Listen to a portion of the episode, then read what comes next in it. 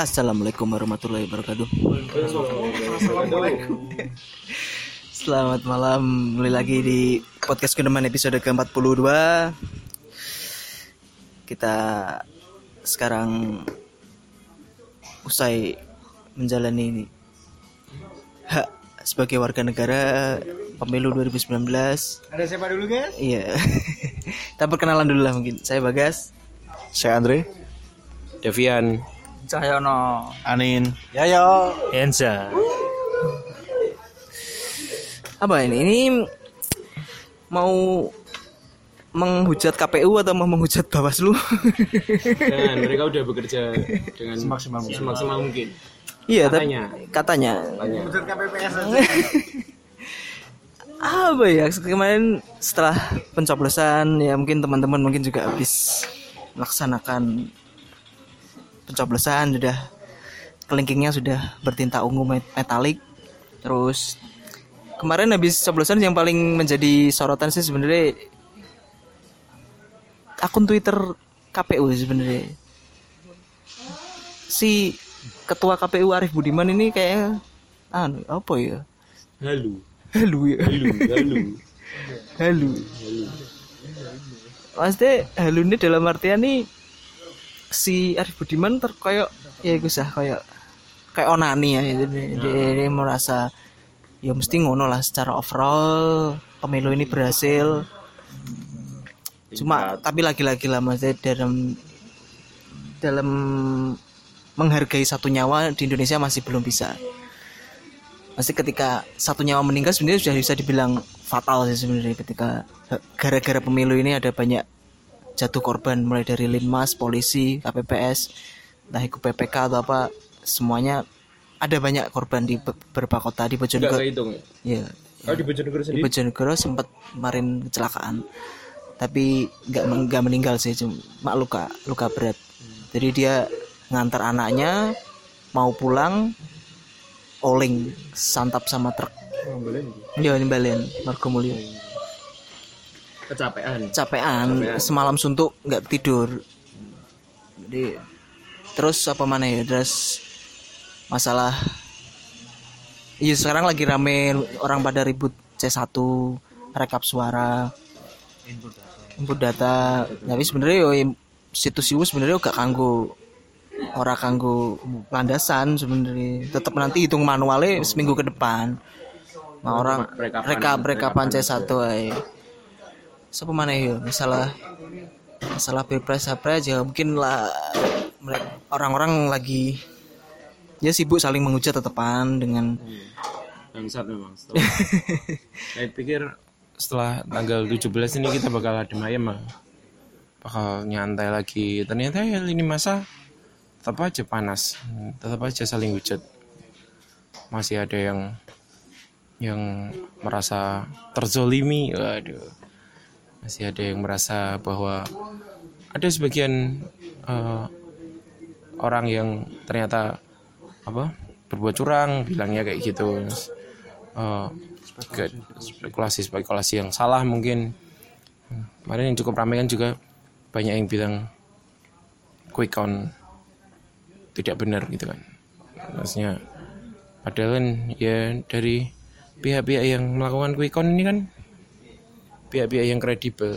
Dia kan masih me, apa ya nama dia itu dipertaruhkan itu. Nama nama iya nama ya dari apa aja kemarin ya car yang paling cukup serem sih biasanya kalau saya di carta politika sih. Saya merasa itu. Tapi si Yunarto Wijaya partisan. Ya maksudnya nek jadi ngomong kredibel sebenarnya juga kredibel jadi tetap KB semua jadi aku maksudnya makanya kan ber- nama nama, nama Iya, makanya- makanya aku makin seru iku ketik- kredibilitas namanya dipertaruhkan di kredibilitas nama dipertaruhkan dan kalau memang ini meleset makin seru. Maksudnya nek sampai emang quick count iku padha kayak pas pilkada DKI hancur wis. Para lembaga survei iki wis bener-bener kehilangan trust dari masyarakat dia bener-bener terlalu kelihatan sih untuk hmm, hasil dari penghitungan KPU mbek pas pilkada DKI pas quick count jauh eh. kan wis konyol berarti kan si lembaga survei gak iso dianggap kredibel sih sebenarnya soalnya ya gak iso maksudnya sang terlalu sanksi untuk mempercayai 100% si lembaga-lembaga Iya, ini 100% sih enggak. mungkin secara metodologi memang udah bener tapi yo mbo lah kok permainannya di bawah tangan ke bawah meja kayak piye kan nggak paham sih Iya, data kan bisa diolah kan. Hmm. Ya mungkin kalau tadi Vian bilang setelah 17 April kita bakal hidup seperti biasa aman-aman. Justru saya mikirnya sebaliknya. Setelah 17 April itu malah Bakal chaos ya. iya, jadi makin banyak hal yang diperdebatkan, dapat bahan baru lagi buat ribut-ribut dan ternyata kan terbukti. Jadi banyak yang menganggap kalau setelah 17 April ya selesailah urusan kampanye-kampanye saling jelekin ya selesai. enggak lah. Justru ini malah orang-orang itu malah dapat bahan baru lagi buat ribut-ribut. Dari quick count lah dari eh pencoblosan yang banyak masalah lah.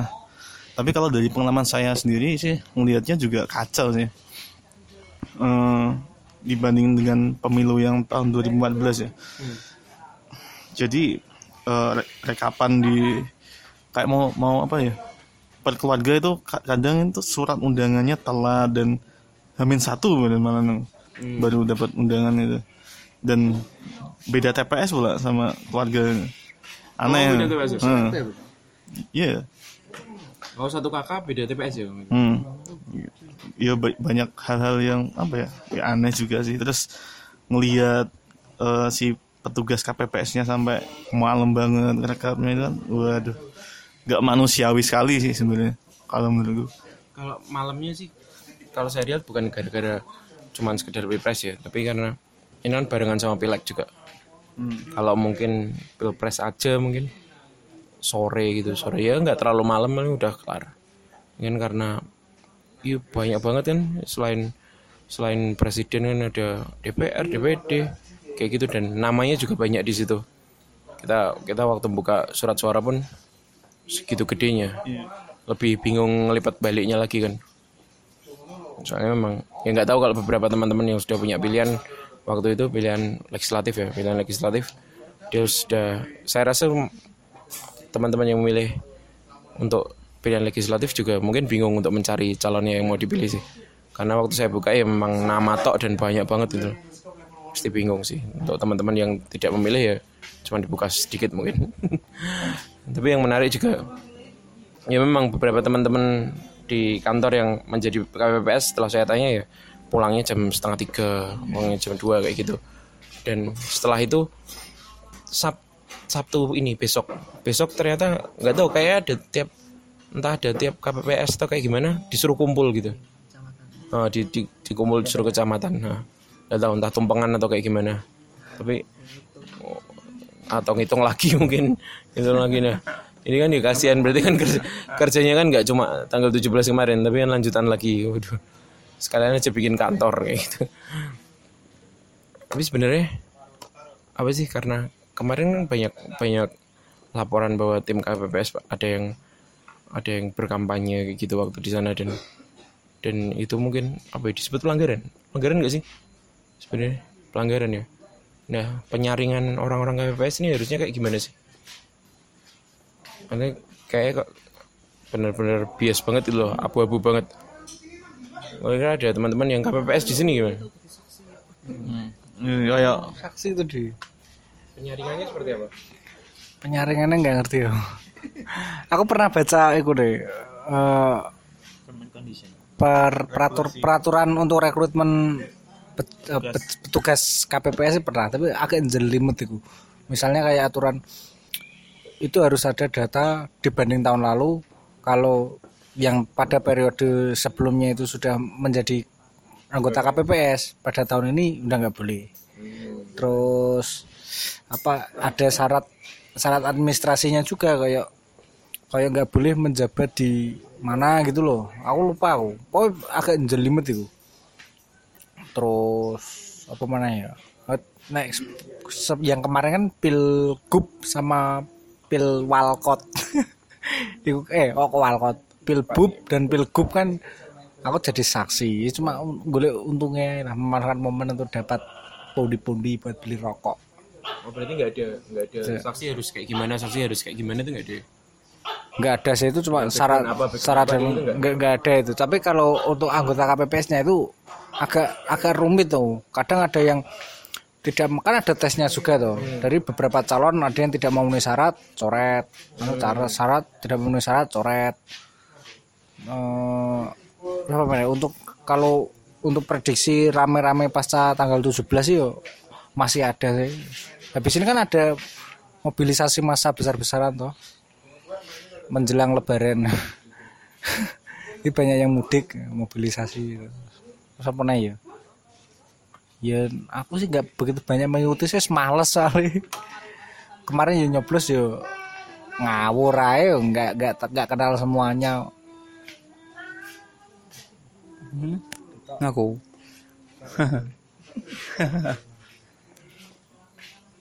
apa ya? Mengerikan melihat negeri ini kawan. Waduh. Saya kok jadi nyanyi ya?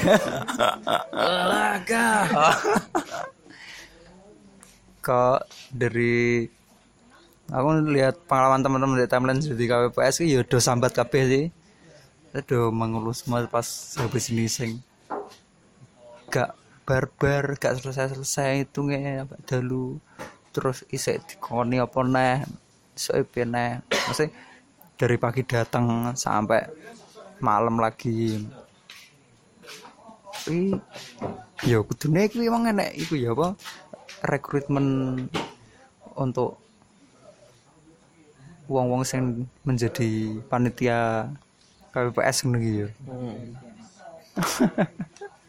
Ini dengan dengan sistem kayak gini, maksudnya dengan sistem yes pemilihan kayak gini terus melihat mereka pulangnya sampai malam, melihat mereka kebingungan eh, ngitung kayak gitu, pokoknya rumit sekali tuh. Ada nggak sih efisiensi-efisiensi yang bisa dilakukan untuk ke depannya gitu? Dan ini juga banyak korban berjatuhan Ya, ya. banyak korban berjatuhan Karena juga. yang apa mungkin yang dipilihan yang dipilih udah eh, tua-tua bukan yang muda-muda. Kenapa nggak ngambilin Tapi banyak cacahan ya? sing, sing muda-muda apa ya? Beberapa teman kantorku banyak kan ya ikut KPPS ya mereka masih, masih muda-muda. Oh iya, kompleks saya pensiunan Kom- semua soalnya. kompleks saya juga orang-orang tua sebenarnya. Karena anak mudanya enggak aja, males. ya. mudanya enggak ada. Iya, ada efisiensi gak sih guys yang bisa dilakukan ya melihat korban kejatuhan berjatuhan sampai capek kayak gini terus oh apa penghitungan kan juga ribet banget gitu. Harus ada efisiensi yang untuk ke depannya nggak nggak kayak gini lagi gitu. Ini kan ya walaupun ketua itu Anani kayak gitu kan ya ini hasilnya fakta loh. Ini aku melihatnya loh ya. Dengan segitu banyak orang yang jadi KPPS masih aja banyak yang kecapean sampai mal- pulang sampai tengah malam. Sampai nah kayak gitu kan pasti ada harus ada cara untuk membuat ini lebih efisien. Apa pun itulah. Iya dananya berapa? Belasan belasan triliun apa berapa? ya kemudian cuma dua sih sebenarnya. Tetap dipisah pilpres dan pileg atau TPS diperbanyak lagi sekarang kan 800 ribu. Kenapa Anin kayak Anin kayak tadi cerita beda TPS ya mungkin soalnya memang TPS diperbanyak soalnya. Satu TPS mungkin nggak sampai 300 pasti DPT-nya daftar pemilih tetapnya nggak sampai 300 soalnya. Akhirnya mungkin terpisah. Tapi kalau memang untuk efisiensi mestinya ya diperbanyak lagi deh anunya TPS ya. Dari 800 ribu ya diperbanyak lagi. Soalnya kan pilkada kemarin cuma setengah ya 400 ribuan. Eh eh pilkada Bojonegoro berapa ya? Maksudnya secara nasional kan 800 ribu. Ya itu nek, mungkin pengen diefisiensi tambah mana cuma yo gimana ya kan nek, nek double ya entah sih nek masalah anggaran nek do bareng serentak dan dipisahi akan lebih bengkak yang mana saya aku yo belum paham juga soalnya. enggak dipisah. Enggak dipisah ya. enggak dipisah. Cuma iya pertama kali pertama kali bareng pemilu serentak ini. Kalau efisiensi sistem kayak gimana? Ya digawe secara tidak langsung seperti Amerika gitu. Kayak gitu lah rame lagi nggak kalau mau dibikin kayak gitu? Iya balik. Ini ter- ter- ter- terserah nanti wakil rakyat lah yang mengurus. Tapi yo naik masalah sistem sebenarnya yo demokrasi apa dia wis mulai mulai banget sih saya itu. ya mulai mulai mulai mengarah ke yang baik sih sebenarnya. Sekarang juga asas bebas rahasia kayaknya udah nggak nggak nggak berlaku lagi di Indonesia. Sekarang orang berani declare dia milih siapa beda kayak dulu saya bener-bener rahasia cuma di bilik suara itu nanti. Jadi apa ya menarik emang. Dari sistem demokrasi Indonesia yang terbaik di ASEAN. Iya so, dibanding iya di ASEAN di ASEAN. ASEAN terbaik. Oh, sisanya komunis misalnya komunis. Iya enggak ada sisa komunis komunis sama Vietnam. Oh, secara keterbukaan sih. Iya. Lebih kebebasan Malaysia pun ya tetap bisa aja di diatur sama Bumi Putra mereka ya kan. Kalau di sini ya is kayak gitu apa? Incumbent, eh, incumbent apa? Orang-orang lokal kayak gitu kan. Malaysia nol banget sih. tapi ya miris ya sebenarnya kan bayaran KPPS ini kan 400.000 ribu uang makan tiga kali 45.000 ribu kali tiga berarti jadi 135 400 535 ribu isi kuta sih bayarannya tapi mereka ya Gus ini menurutku capek mereka sebenarnya pas jaga TPS sebelum hari H Sampai nulis sih sebenarnya. Teman-temanku. iya, iya tapi kan maksudnya dia sudah begadang dulu pas iya. jaga TPS ya. Ah, ah. sebelum hari H apalagi TPS -nya TPS -nya di lapangan maksudnya kan harus dijaga Oh iya.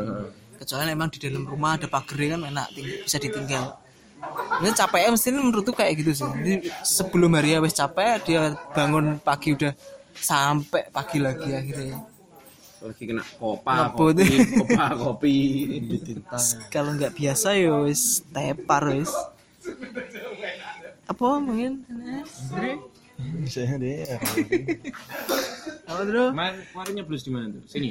Eh, kebetulan eh, kemarin nggak nyoblos saya tapi posisi di Surabaya. posisi di Surabaya Memang berniat tidak mengurus POM A5. sempat mau ngurus cuman berhalangan kemarin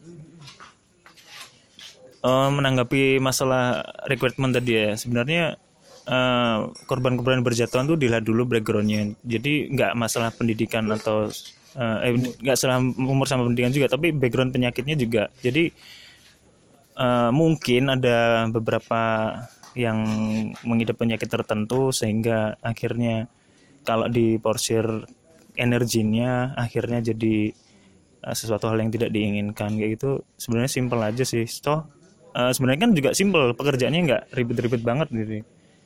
Cuma ngitung jaga gitu kan. Yang dibutuhkan kan sebenarnya kesehatan. Kayak gitu.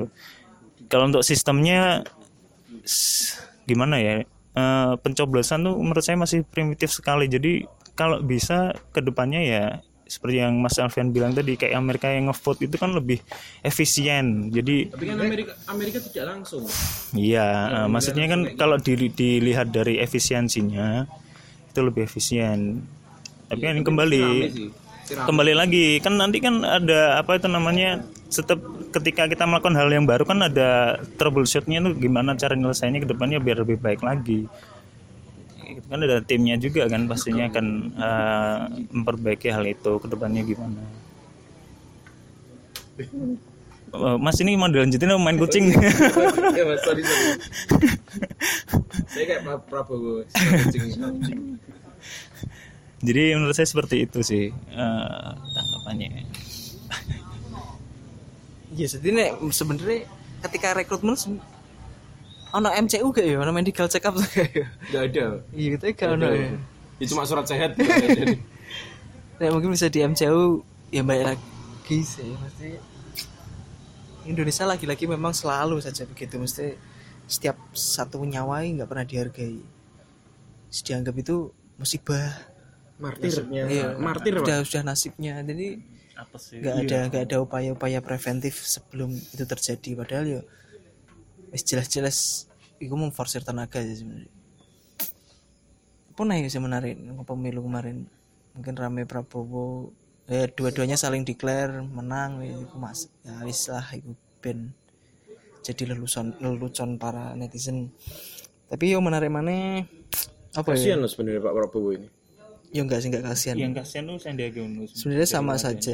Nah, tapi saya merasa saya Sandiaga Uno lebih sehat sih. Maksudnya dia dia tahu bahwa karir dia ke depannya itu masih panjang. Entah habis ini dia mau balik jadi wakil eh, gubernur lagi nggak tahu. Ya cuma nah nggak tahu. Eh, soalnya memang belum ada putusan sih putusan bahwa dia mundur atau kayak gimana. Cuma saya merasa orang ini sebenarnya cerdik. Nggak tahu in a bad way atau in a good way ya. Cuma orang ini benar-benar cerdik ya. Dia mikirin ke depannya dia bakal kayak gimana. 2000 berapa? 24 nanti. Ya sedih soalnya wis jual aset ke Luhut soalnya. Apa ya menarik mana iki PSI PSI Partai Muda Brusis ini. Gagal melolos parlemen threshold 2% berapa dia 1,8 Yes, 2 persen, 3, 3 juta suara. Sa- sa- sama kayak golput ya Kayak golput. Enggak golput itu. Suara tidak sah. suara oh iya suara tidak sah Sama dengan Suara tidak sah. Sayang. PSI ya, ya kaget sih ketika PS dan yang bikin kaget sebenarnya dia berada di bawah partai berkarya. ini yang paling mencengangkan sebenarnya. Berarti, berarti partai berkarya ini memang jor-joran dengan pendanaan yang kuat nyebar serangan fajar atau memang PSI-nya yang yang memang berusaha untuk bersih. Iya, aku cuma dua kemungkinan itu. PSI pendanaan pendanaannya kecil apa pendanaannya besar tapi dia pengen pengen bermain bersih. tapi di luar ngebom ngebom pun berarti kan masih masih banyak yang yang terjebak romantisme or, orde baru kan dengan eh, adanya Tommy kayak gitu berarti kan eh, masih banyak yang yang pengen balik kayak Orba gitu loh. Orang-orang kita. Masih. Masih berapa? 3,8 persen ya? Berapa kemarin ya? Saya rasa. Eh, partai berkarya berapa? Iya 3,8 ya. Jadi masih 3,8 persen dari berapa juta orang. Masih terjebak romantisme Pak Harto ini. Fuck lah kalian bangsat tiga koma delapan ya dua 2,8 ya Iya, dua dua koma delapan. jauh sama oh 2,8 sorry sorry salah Tapi PSI memang gagal masuk Senayan, tapi mungkin ada kesempatan di DPR, di provinsi sama eh, DPR provinsi sama DPRD. Soalnya memang aku baru paham ketika Betul beda-beda hitungannya. Hitungannya beda-beda. DPR RI, provinsi dan daerah ini beda-beda. Jadi tetap bisa mungkin PSI bisa nyari suara pas di DPRD-nya atau di, di provinsinya. Tapi kalau memang yang RI memang dia udah nggak bisa lolos untuk masuk ke Senayan. Terus semuanya ya untuk menanggapi PSI dan berkarya ini. Oh kabar terbaru sih mereka dapat 9 kursi di DPRD Jakarta. Ya mereka, mereka peringkat keempat. Enggak enggak sama kan RI, Samara RI. DPRD Jakarta. Mereka dapat ya 8 sampai 9 kursi karena mereka jadi parpol nomor 4 di DKI Jakarta. Heeh. nah eh, kenapa berkarya lebih banyak daripada daripada PSI mungkin eh, strateginya ya mungkin eh, berbanding terbalik. Kalau PSI lebih kuat di sentralnya tapi daerahnya itu kacrut semua. Iya hancur lebur. Dan kalau si berkarya ini kayaknya kuat di grassrootsnya di daerahnya. Apalagi ngejual nama-nama Soeharto tapi saya udah prediksi sih PSI nggak mungkin bisa nyampe 4% secara nasional. Terlalu 4.0 pak. Eh, ya balik lagi sih menurut menurut kan- yang dijual kan kayak gitu-gitu. Maksudnya kemajuan-kemajuan yang bahkan orang-orang sini mungkin kaget sih orang-orang grassroots lah ya. menurut saya lebih mereka itu lebih fokus ke sentral sih. Jadi sen- eh, di pusatnya itu ya keangkat semua nama-namanya. Ariana Ernest, Samara, Chris Natali dan lain-lain tapi di daerahnya kan nggak jelas-jelas semua. Itu sih terus apa ya? Perindo Perindo ya. Yang mengejutkan mungkin Hanura sih. Tapi ya Hanura Hanura cuma dapat 1,5 atau 1,4 tapi itu pun juga udah diprediksi jauh-jauh hari kalau Hanura ini nggak dapat gerakan sama sekali jadi ya ya nggak punya sosok atau tokoh yang benar-benar bisa ngejual gitu jadi ya wajar sih dia cuma dapat satu koma sekian itu Oh, yang yang logonya Garudanya bagus tuh apa? Yang partai Garuda partai Gar- partai Garuda ya, yang kayak burungnya Nightwing gitu. Nah, oh, itu juga kayak undi-undi ambek ambek PSI. Enggak, enggak, Iya, itu enggak. 0, Itu malah malah 0, koma ya. Iya, PKPI. Padahal cukup bagus sih desainnya. Estetik. iya, kalau saya lihat estetika desainnya iya bagus. Iya, terus apalagi nih yang kemarin cukup unik sih, yaitu ada seorang transgender yang yang itu eh, yang transgender yang yang eh, yang marah-marah karena dipanggil nama aslinya sebenarnya eh, antara itu pihak KPPS tidak sengaja karena memang nggak tahu itu nama aslinya atau kayak gimana cuma bisa melihat memang masih banyak masyarakat yang transfobik ya saya sih cukup cukup itu sih cukup sedih karena orang-orang bukan karena memang bukan saya bukan melihat KPPS-nya yang yang salah tapi itu dibuat bercandaan di sosial media gitu. Ya, saya melihat sih kayak miris gitu sih masih orang-orang masih masih banyak yang ya membuat eh, yang yang menganggap mereka warga kelas 2 sih. Ya PSI pun yang katanya mendukung mayoritas ya tetap ada kecuali LGBT Oh dia declare kayak gitu ya? Ini kan wis ngono ketika dia diisukan ada banner PSI mendukung LGBT kan dia din deny itu. Juga kayak belum ada yang berani partai politik untuk memberikan porsi bagi LGBT untuk ada di Indonesia. Apa mana ya? Ya sih mau masalah masalah pelanggaran-pelanggaran. Ya, aku melihatnya pelanggaran-pelanggaran semua pelanggaran pokoknya yang kubukal kalau mempromosikan ku 02 pasti dilanggar. Pasti pasti dianggap pelanggaran. Kalau promosi 01 nggak dianggap nggak dianggap pelanggaran. OTT OTT uang amplop juga dari Gerindra yang kelihatan mencolok. 01 nggak ada. Nggak mungkin. Ini ada yang bikin thread karena dia dia memang tidak dapat undangan ya, terus datang ke TP, TPU sama datang ke TPS, ke TPS terus cuman bawa bawa KTP aja, dibilang nggak boleh, terus dia bilang saya dukung 02, akhirnya dibolehin, dibolehin masuk. Yang awalnya bilang surat suaranya habis, ternyata masih ada. Itu kan pelanggaran-pelanggaran yang cukup cukup menarik sih dari lokal. Nah, iya terus akhirnya yang yang jelek ya balik lagi 02. Gak tahu framingnya kok sangat kayak gini. Terus apa ya? Di situlah apa mana? mana serba-serbi mana masalah pemilu Iya banyak suara-suara banyak suara-suara habis tuh. Atau em- memang dipasin atau kayak gimana sih? Sebenarnya perhitungan surat suara itu harusnya dilebihin di TPS itu dilebihin berapa sih? ada ada, ada berapa persen? Terlupa entah tiga persen tujuh persen. Mesti dilebihin. Dan memang kalau memang sisanya lebih banyak dibakar. Kemarin juga di di KPU, KPU, KPU Bojonegoro juga gitu dibakar. Sisanya. Bilik suaranya sekarang pakai kardus ya. Ya oh, padahal kan berapa berapa belas T itu kan. Dulu dulu dulu kan seng ya. Seng bagus mah zaman kayaknya zaman dulu zaman zaman berapa mungkin 2004 2004 atau sebelumnya mungkin. TP 2009 mungkin. enggak TPS yang yang masih dalam bilik kayak wartel gitu. iya kan? 2004, Pak. Mungkin ya. Di 2004 ya, Pak ya. Dulu, dulu kan 2004 kan TPS-nya kan Mas eh iya. Heeh. Iya kayak fitting room gitu, ada selambunya. Jadi kan lebih di dalam mau ngapain juga bebas mau gambar-gambarin, mau onani terserah.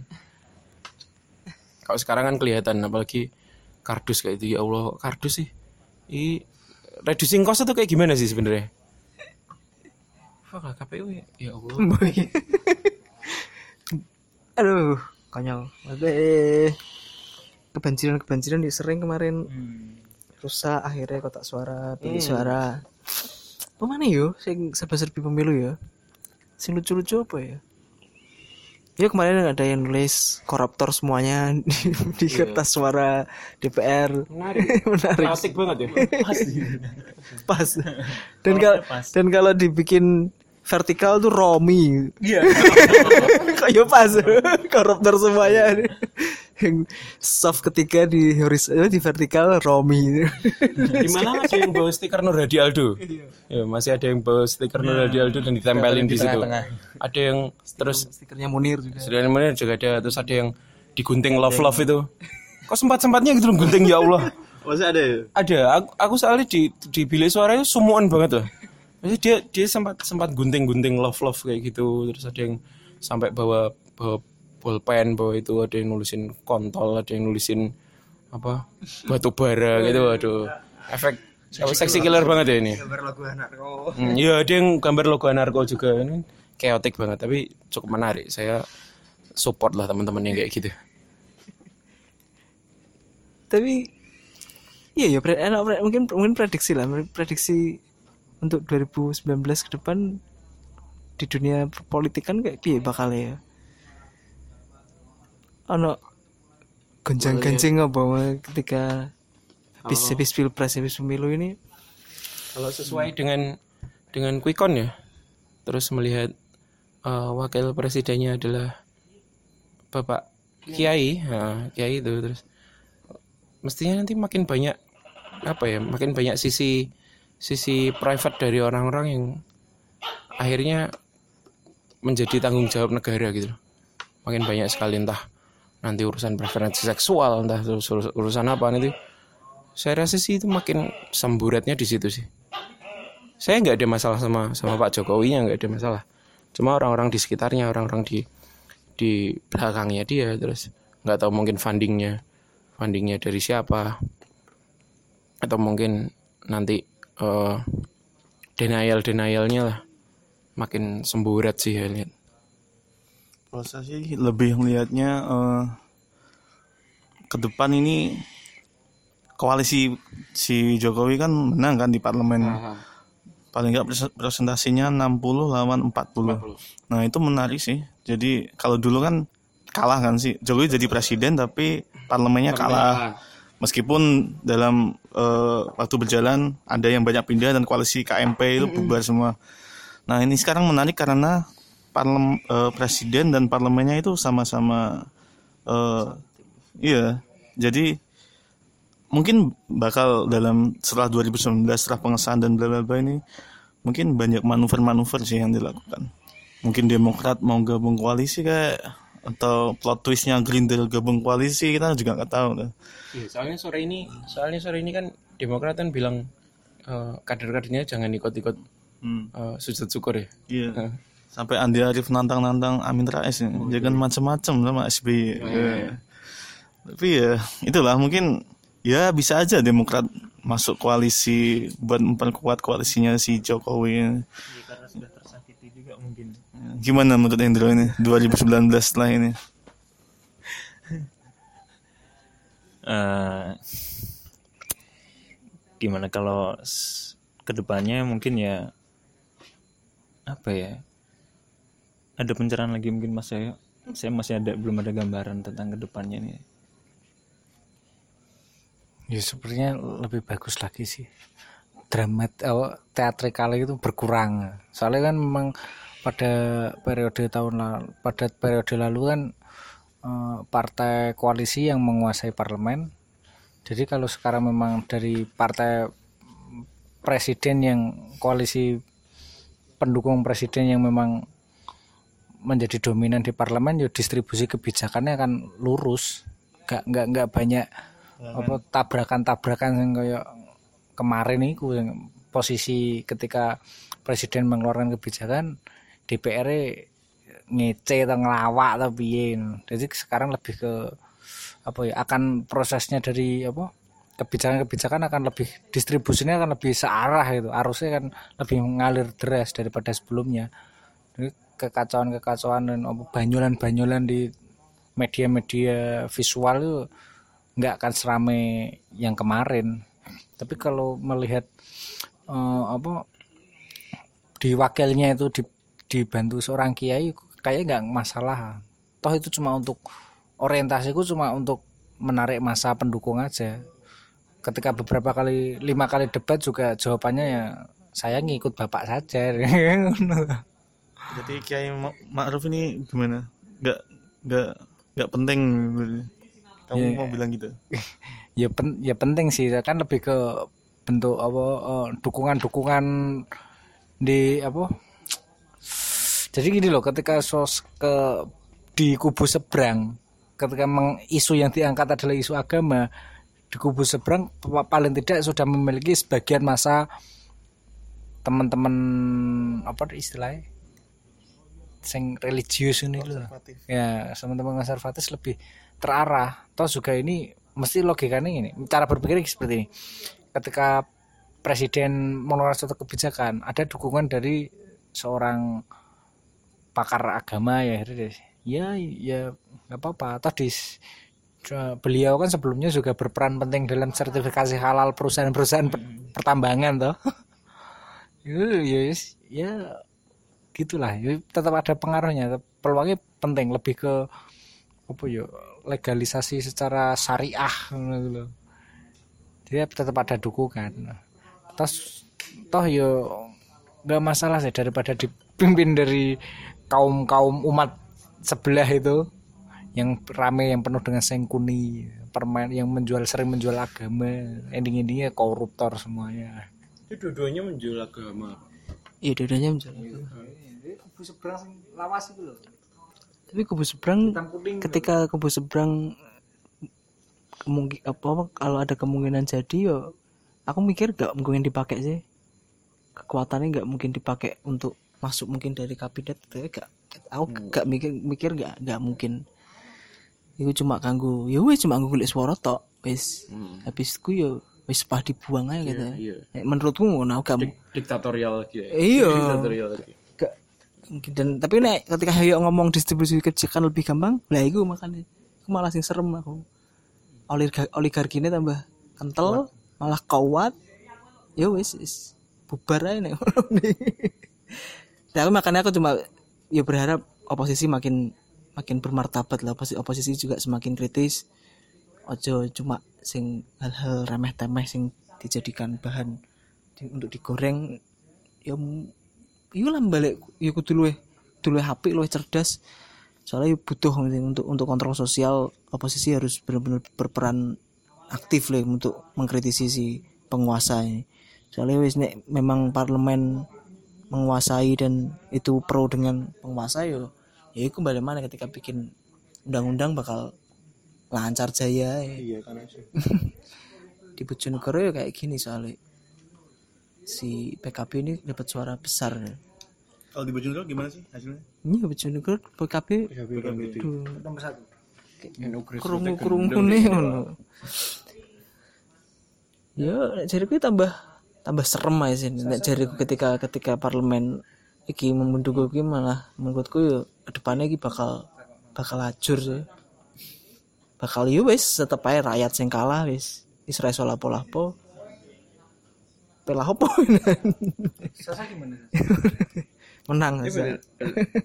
balik, lagi kan balik kayak kemarin kalau kalau presidennya dari dari militer mahasiswa-mahasiswa banyak yang demo kita nunggu itu tapi kalau eh, yang jadi presiden satunya lagi yang demo ya demo angka berjilid-jilid itu jadi tetap banyak tetap tetap ada saya melihat ke depannya sih tetap ada mungkin beberapa apa ya beberapa peristiwa yang cukup chaos sih. Ini men- cukup menarik untuk sedikit manasin Indonesia rada hangat sih di, di- biar orang-orang makin ya melek keadaan melek keadaan bahwa memang kita sedang tidak baik-baik saja. Orang-orang kan selalu dicekokin bahwa kita itu baik-baik aja di sini masih menyenangkan masih ramah masih apa oh, enggak lah. Berantakan asli budi pak pak.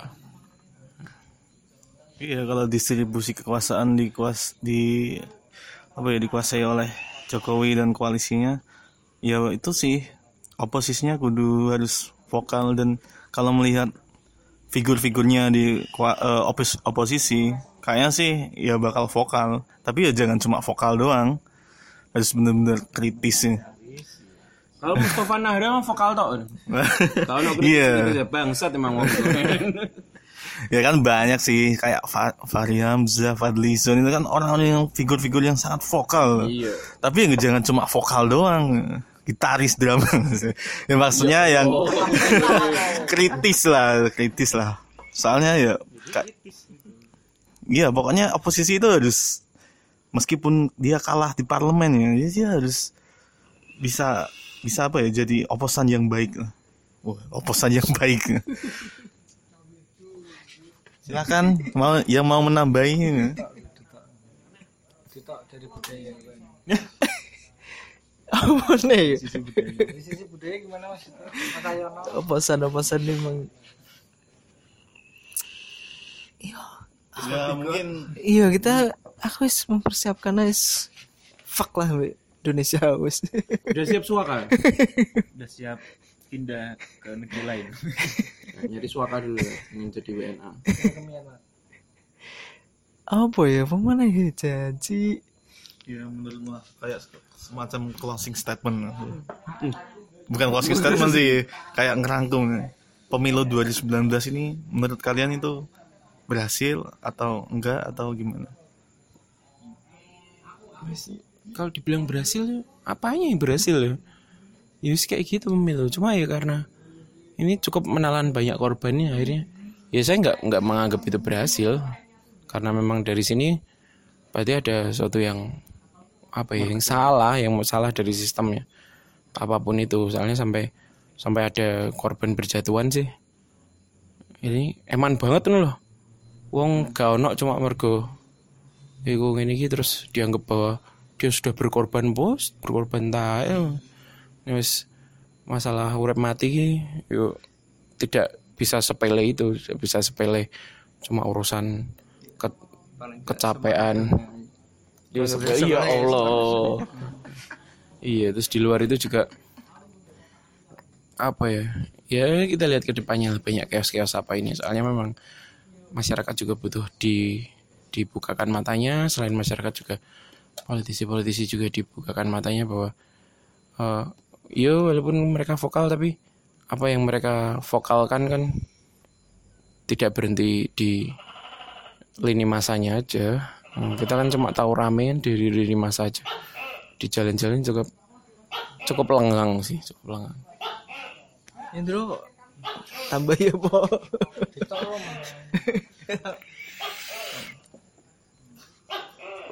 Aku nek bilang baik-baik saja aku kayak jarimu. Kita sedang tidak baik-baik saja ya. Berarti be, berarti aku ya ngomong gak berhasil ya. untuk pemilih untuk sistem pemilihannya memang kayak gitu tapi untuk untuk bentuk demokrasinya kita demokrasi yang cukup baik ini iya sih. Hmm. Mana aku nggak bilang baik-baik saja aku mau. Iya, aku bingung.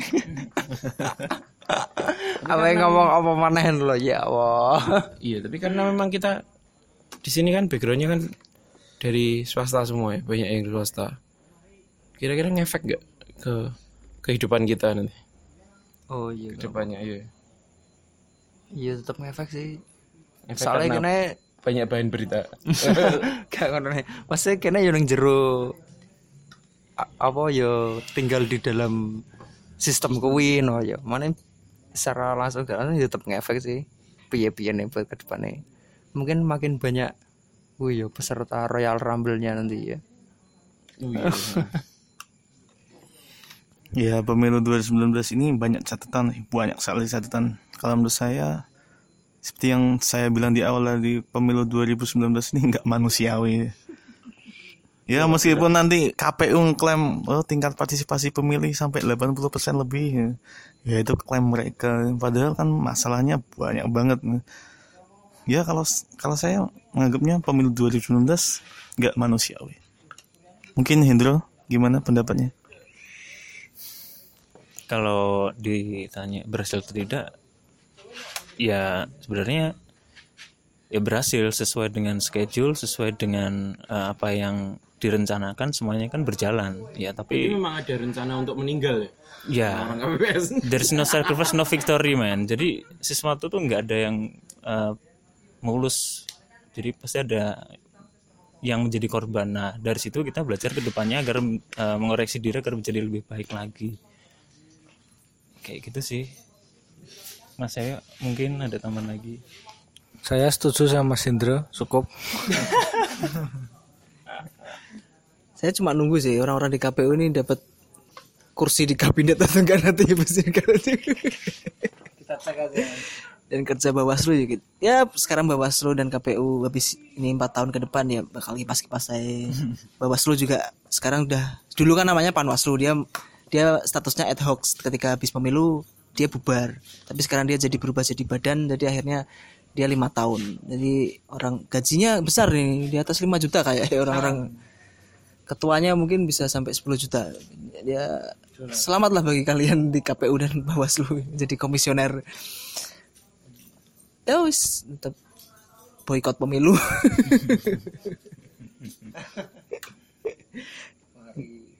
Ya mari bergandeng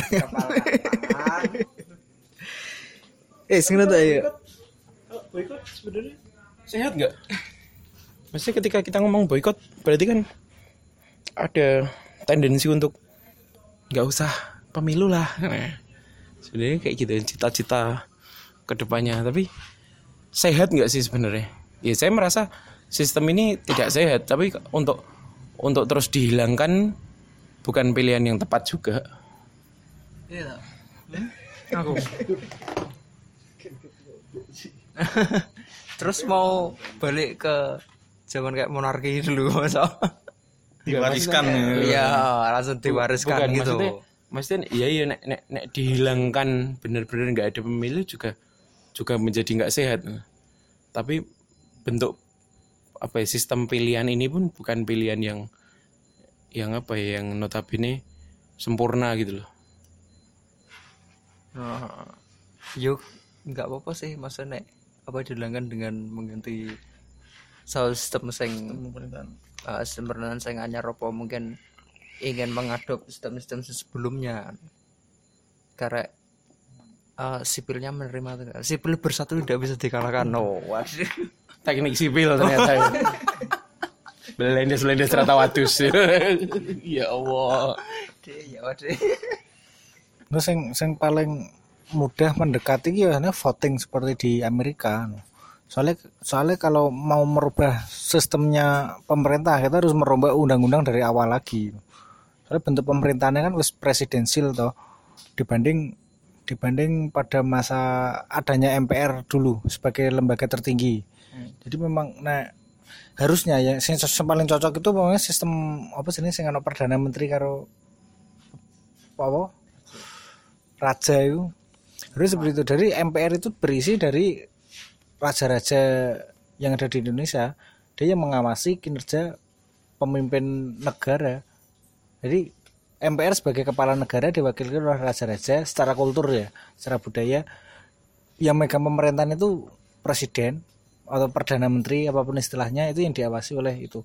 Jadi pemilihannya nanti bisa dilakukan demokrasi nanti setuju atau tidaknya tetap musyawarah. Kayak zaman ini siapa Gus Dur sama Megawati toh menang dua-duanya kan tetap diputuskan sama di musyawarah MPR toh.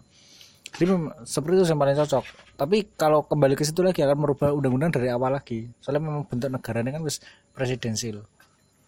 Eh, tapi nek, nek untuk melanjutkan eh, sistem pemilu yang lebih efektif dan efisien itu ya mengikuti gaya Amerika lebih ke voting. Cuma tapi tidak langsung cuma bentuk ah iya nggak nggak masalah. Nggak masalah juga. Memang mendekati solusinya memang seperti itu. Tapi untuk untuk pengawasan baik pengawalan itu akan lebih banyak membutuhkan biaya untuk pertamanya untuk membentuk kulturnya. Jadi ada pengawasan ada dan apa jenis bentuk partisipasi masyarakat itu harus aktif dan memang sudah terdidik dan sudah paham. Maksudnya nggak cuma nenek tok terus kok berubah mana berubah mana ini bener kayak itu memang sistem pemilu selama ini kan masih apa ngarani primitif masih tradisional banget. Dari dulu zaman dari 1955 pertama kali pemilu itu sampai sekarang itu masih coblos coblos coblos itu jadi kalau mendekati perubahan sistem pemilunya yo paling efektif efisien yo voting meskipun nggak nggak langsung. Tapi kalau mau dibikin pemilihan langsung itu ya eh, apa namanya? Ya sangat susah. Ya akhirnya kayak ngene iki. Dengan satu KPPS dengan tujuh anggota itu satu yang kerja enam dengan melakukan lima apa ini lima kategori lima apa jenenge ini lima suara surat suara yang harus dihitung memang panjang. Toh kemarin untuk pemilihan pilgub dan pilgub Jawa Timur jam setengah lima sore aku udah selesai. Nah kalau untuk pemilu 2019 dengan lima kota suara oh, sangat banyak lagi. Belum lagi banyaknya nama-nama kan fokusnya akan lebih mengerucut lagi. Maksudnya fokusnya lebih tinggi soalnya banyak nama-nama nama. Toh aku nanti ngitungnya kan beda lagi tuh setiap surat suara itu. Ya ngono ya makanya kalau untuk tujuh KPPS untuk kerja seperti itu ya nggak manusiawi ya. Kurang efektif. Kalau sisi kalau sisi efisiennya lebih efisien dibanding tahun-tahun sebelumnya. Soalnya berbarengan. Jadi nggak perlu dua kali kerja dua kali pengeluaran biaya. Tapi efektifnya nggak nggak sama sekali nggak menyentuh. Akhirnya yo karena dipegang oleh sumber daya manusia kalau nggak cukup nggak mampu yo yus ngono ya akhirnya. Ada koleng ada korban ada anu belum lagi salah ngitung terus dianggap kecurangan ngitung mana terus apa namanya enak sing dianggap apa tidak sah proses proses gak sesuai prosedur akhirnya diulang kan ya capek kalau orang itu jadi ya kita lebih berbesar hati ya wis seneng nggak seneng Indonesia wis dianggap aja Indonesia sing di Tapi yang perlu digarisbawahi loh ya. Kita ini voting loh ya. Indonesia ini voting. Di Amerika ini electoral college. Jadi setiap negara bagian itu ono perwakilan nih. Nah, kita ini namanya voting. Voting namanya. Indonesia ini voting di Amerika elek- elek- kan direct vote. Jadi benar-benar setiap orang punya hak untuk memilih suaranya. Tapi ketika di Amerika electoral college di setiap negara bagian itu ono perwakilan berapa gitu. Makanya di Amerika di, di pemilu apa pemilu Amerika kemarin secara direct vote menang Hillary ya sini. Tapi ele- electoral college menang Trump akhirnya. Maksudnya sistem voting ini Nah iya lah kan ini. klik klik Lah lho. Lah nek kowe ngomong vote iku yo Indonesia iki vote. milih klik klik Oh enggak, lho iku ono perwakilane. Heeh, heeh, yo enggak. Gak apa Yo ora, iku ono perwakilane. milih milih milih cara milih maksudnya ada kan coblos Iya, Korea Pelet, pelet, mesin, Heeh. pelet mesin langsung.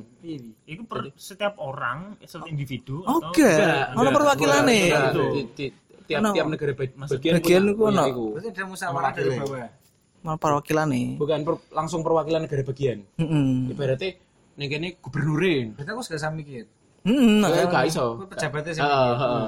Nah, kan makanya ketika Trump golek suara dia wis paham wis metakno apa meneh dia nganggo kemarin nganggo apa? Yang Australia gua apa? Sing dia nyebar kaya Cambridge ketakutan ya Cambridge Analytica kan ngono dia iso. Pak. Heeh. Iya, Inggris ya. Berarti langsung pejabat daerah langsung memberikan suara. Jadi makanya dia wis iso metakno negara bagian di sing akeh wong akeh perwakilannya dia nembak ning kono terus. Yang ngomong voting kita Dan voting tiap sekarang. negara bagian punya power yang berbeda-beda. Ah, mesin. Iya mesin mah tapi iku mana sih ketika iya gue mana plus minus emang ketika direct vote ya iki akhirnya wong goblok bakal iso mirip wong goblok. Wis gak gampangannya kayak ning batu lah. Jelas-jelas bojone koruptor dadi akhirnya di depan.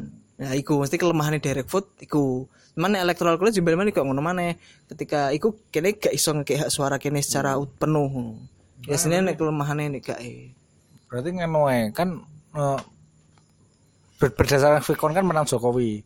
Jadi nanti kalau Jokowi bikin tiga kartu baru itu tambah satu kartu baru kartu pemilih aja jadi langsung telepon ATM klik pilih iki wes bar.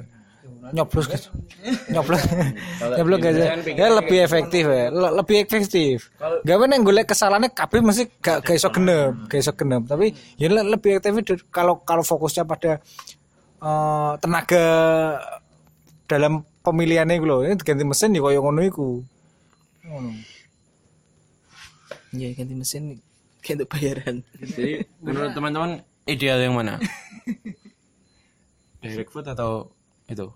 elektro Electoral. ini secara- secara simbolik demokrasi ya pemilu ini iya direct vote ya. hmm. iya kalau aku pemilu langsung pemilu langsung, nggak usah iya diwakili lebih lebih punya hak suara. Ya. ada ada ada apa sejauh mana jatuh korbannya atau ketidakmampuan itu ya memang harus jadi evaluasi lagi. Itu terus evaluasi lah KPU memang kalau direct vote ya SDM memang harus lebih ditingkatkan terus akhirnya. Ben dia tidak ya itu cuma cuma mau milih ketika dikasih uang. Gitu. Kan itu kan masalah SDM kan sebenarnya. Yang akhirnya kita memilih pemimpin yang terburuk kas- kasarannya ya wis lah mungkin cukup. Sebenarnya gini loh eh, di dalam imajinasiku tuh gini maksudnya eh, medianya yang diganti Tadi nggak lagi pakai coblosan. Enggak deh jadi kita di dalam eh, bilik suara tuh dikasih tablet atau sesuatu jadi kan banyak orang juga yang nggak tahu kan. di, mesin kan berarti. di eh, D- eh, DPR atau DPD atau siapa itu kan sopo ngenger.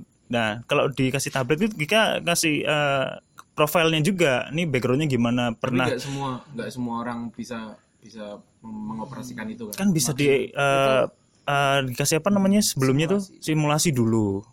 Kan bisa diatur dulu. Daripada kita Kalau kalau kayak gitu pembeng- pembengkakan Iya, pertimbangannya pasti biaya. gitu. pertimbangan Itu kita lebih efektif tapi tidak efisien. Heeh, pembengkakan biaya jelas dan dan KPU nggak mau ngomong bilik suara kerdus pak berarti kayak iPad dulu nih bos berapa aja? ya, ya. Iya atau iya kan bis itu sebuah eh, media aja. Jadi kan Iya. bikin situs atau gimana kan jurnal sudah bisa juga. Iya kan kayak gitu maksudnya ya. Dimasukin lagi iya, dimasukin lagi di situ kan juga eh, sebenarnya juga media informasi juga orang yang sibuk nggak sempat ngakses eh, situsnya kan juga bisa lah di situ opsional aja sih. Jadi ya kalau masalah dana semuanya ya pasti terbentur dana kayak gini yang katanya mahal aja jadinya cuman karton ya tapi walaupun dibikin kayak gitu pun saya yakin nggak nggak semua orang mau ngakses itu sih ngakses apanya nih ketika udah udah di Udah di pilih- ah, gitu. ah. dengan dengan SDM kayak gini Indonesia Hmm. saya nggak yakin orang-orang tetap mau ngakses lihat-lihat itu dulu nggak semuanya tapi mungkin ada beberapa yang pasti memanfaatkan hal itu Iya, gitu loh sebenarnya sama-sama saja. Nggak nggak nggak bakal genap, nggak bakal genap. hmm. Tapi lebih ke ya, wih, efektif efisien itu. Iya, ya, menurutnya jalanan. efektifnya kan ya dia langsung nembak ke server. Kalau masalah di hack kan kayak kita bisa uh, uh, nanam script di situ, di mana setiap detiknya akan tercapture. Jadi upload sekarang, jadi uh, langsung terdaftar di situ, terupload uh, sekarang segini atau save gini. Jadi kan s- ter setiap detik atau setiap 0,5 detik kan bisa diatur. Ini udah tersave. Jadi kalau kesempatan di hack sekarang misalnya, ya kan masih ada data yang kemarin sebelum-sebelumnya kayak gitu. Hmm, buka CMD lihat epic config ya dibilang ngehack kok Ya mungkin masalahnya kalau dibikin kayak gitu ya nggak cuma dana sih. Mungkin pas hari H ini masyarakat juga eh, ya bisa juga dan itu bisa apa ya di hari H misal alat yang dipakai itu rusak gak ada teknisinya. Hal-hal kayak gitu kan bisa bikin kan eh, ide-ide seperti anda ini kan jadi pertimbangan di KPU juga. Jadi kan pasti kita juga eh, punya amunisi kan untuk menanggulangi hal itu gimana. Karena troubleshootnya sudah harusnya sebelumnya sehari atau sebelumnya kan sudah dipersiapkan untuk menanggulangi hal-hal tersebut terjadi. Kayak gitu Kalau saya mikirnya jahat-jahatan aja ya. Kalau mikirnya nggak semua orang boleh ngevote sih. Sebelumnya harus ada tes terlebih dahulu bahwa orang dengan entah apa ya jahat-jahatannya intelijensia di bawah apa tertentu nggak boleh ngevote gitu. Jahat, iya, le jahat-jahatan nih mau jahat-jahatan. Akhirnya kak pendidikan ini senegara kan ada orang gila yang di ini kan juga yang di ya uh, diizinkan. untuk memilih. Itu kan sebenarnya bahwa orang gila aja di apa akhirat nggak ditanyain presiden ditanya. presiden ditanyain iya kan kayak gitu iya Tapi kalau yang orang gila ini orang gi- gilanya juga berdasarkan surat dari dok- dokter sih. Dokter dia memang ringan enggak. Mak ya sing aku pengen garis bawahi DPR harusnya bikin undang-undang terkait batas dia bisa menjabat sih. Soalnya DPR nggak ada batas sih. Dia bisa Jabat terus menjabat terus menerus sampai lima kali periode juga bisa mereka. bangsat memang. tapi mustahil ya kita Iya, dan dia, dia yang bikin dia yang bikin sendiri soalnya. di sana tidak Oh, nggak mungkin. kalau kalau ada lem- lembaga tertinggi kan bisa diatur gitu. Tapi lembaga tertingginya juga pengen menjabat masalah, terus. masalah le- lembaga tertingginya kan dari budaya kan dari anu, raja-raja Indonesia gitu. Karena mereka pengen uang. bukan secara bukan secara apa namanya bukan di, ya bukan kasus pemilihannya tidak seperti prosedural undang-undang tapi memang secara kultur. Kaya di Guninti Malaysia kan ada Tapi orang-orang itu pasti tuh. pasti nggak mau soalnya merasa uh mereka tidak tahu politik. Aku udah udah belajar politik udah kuliah kayak gini. ojo- ojo dipastikan. Enggak soalnya sistemnya kan ada keraj- ada raja ada perdana menteri toh yang menjalankan. Yang paling ideal kan kui Nah kalau di sini nggak bisa kayak gitu, Hmm? nggak bisa kayak gitu. Se- nah, kalau sejarahnya kan kita kan seperti itu Nah kalau Ono tapi ayam- sejarah ono- pernah, ono- pernah memang. Eh, ono Tapi kan ayam beru- muro tapi kan berubah. ono ayam muro ono gajah mada tapi dalam posisi MPR kan pemilihan ketua MPR kan berbeda dengan ngono iku akhirnya yo podo pengen jabat Ya. Iya untuk sekarang sih nggak bisa kayak gitu lagi. Soalnya memang udah berubah undang-undangnya. Ini udah pembeli undang merubah undang-undang mana? Nah, Tadi mau undang-undang mau kita bahas mana mau? Merubah undang-undang kan Memang mereka memang nggak mau mungkin. juga. Iya. Eh, mereka udah nggak mau juga. Iya juga dan dalam sejarah Indonesia itu kan udah pernah nyoba, nyoba semua udah pernah nyoba semua. ya monarki pernah dicoba terus parlementer semuanya kan udah dicoba Republik Indonesia Serikat juga pernah. negara federal gitu Juga juga pernah. Ya, apa ya ganti ya? Ya wis wis wis ketahuan. Terlalu besar lah Indonesia. Pecah ya. Ya Allah. Iya federasi ya. Federasi maksudnya pecah federasi. Mm-mm. Apa nih? Wes. Gitu aja. sudah puas ya iya maksudnya tadi seperti itu saya inginkan Yes. Assalamualaikum warahmatullahi wabarakatuh.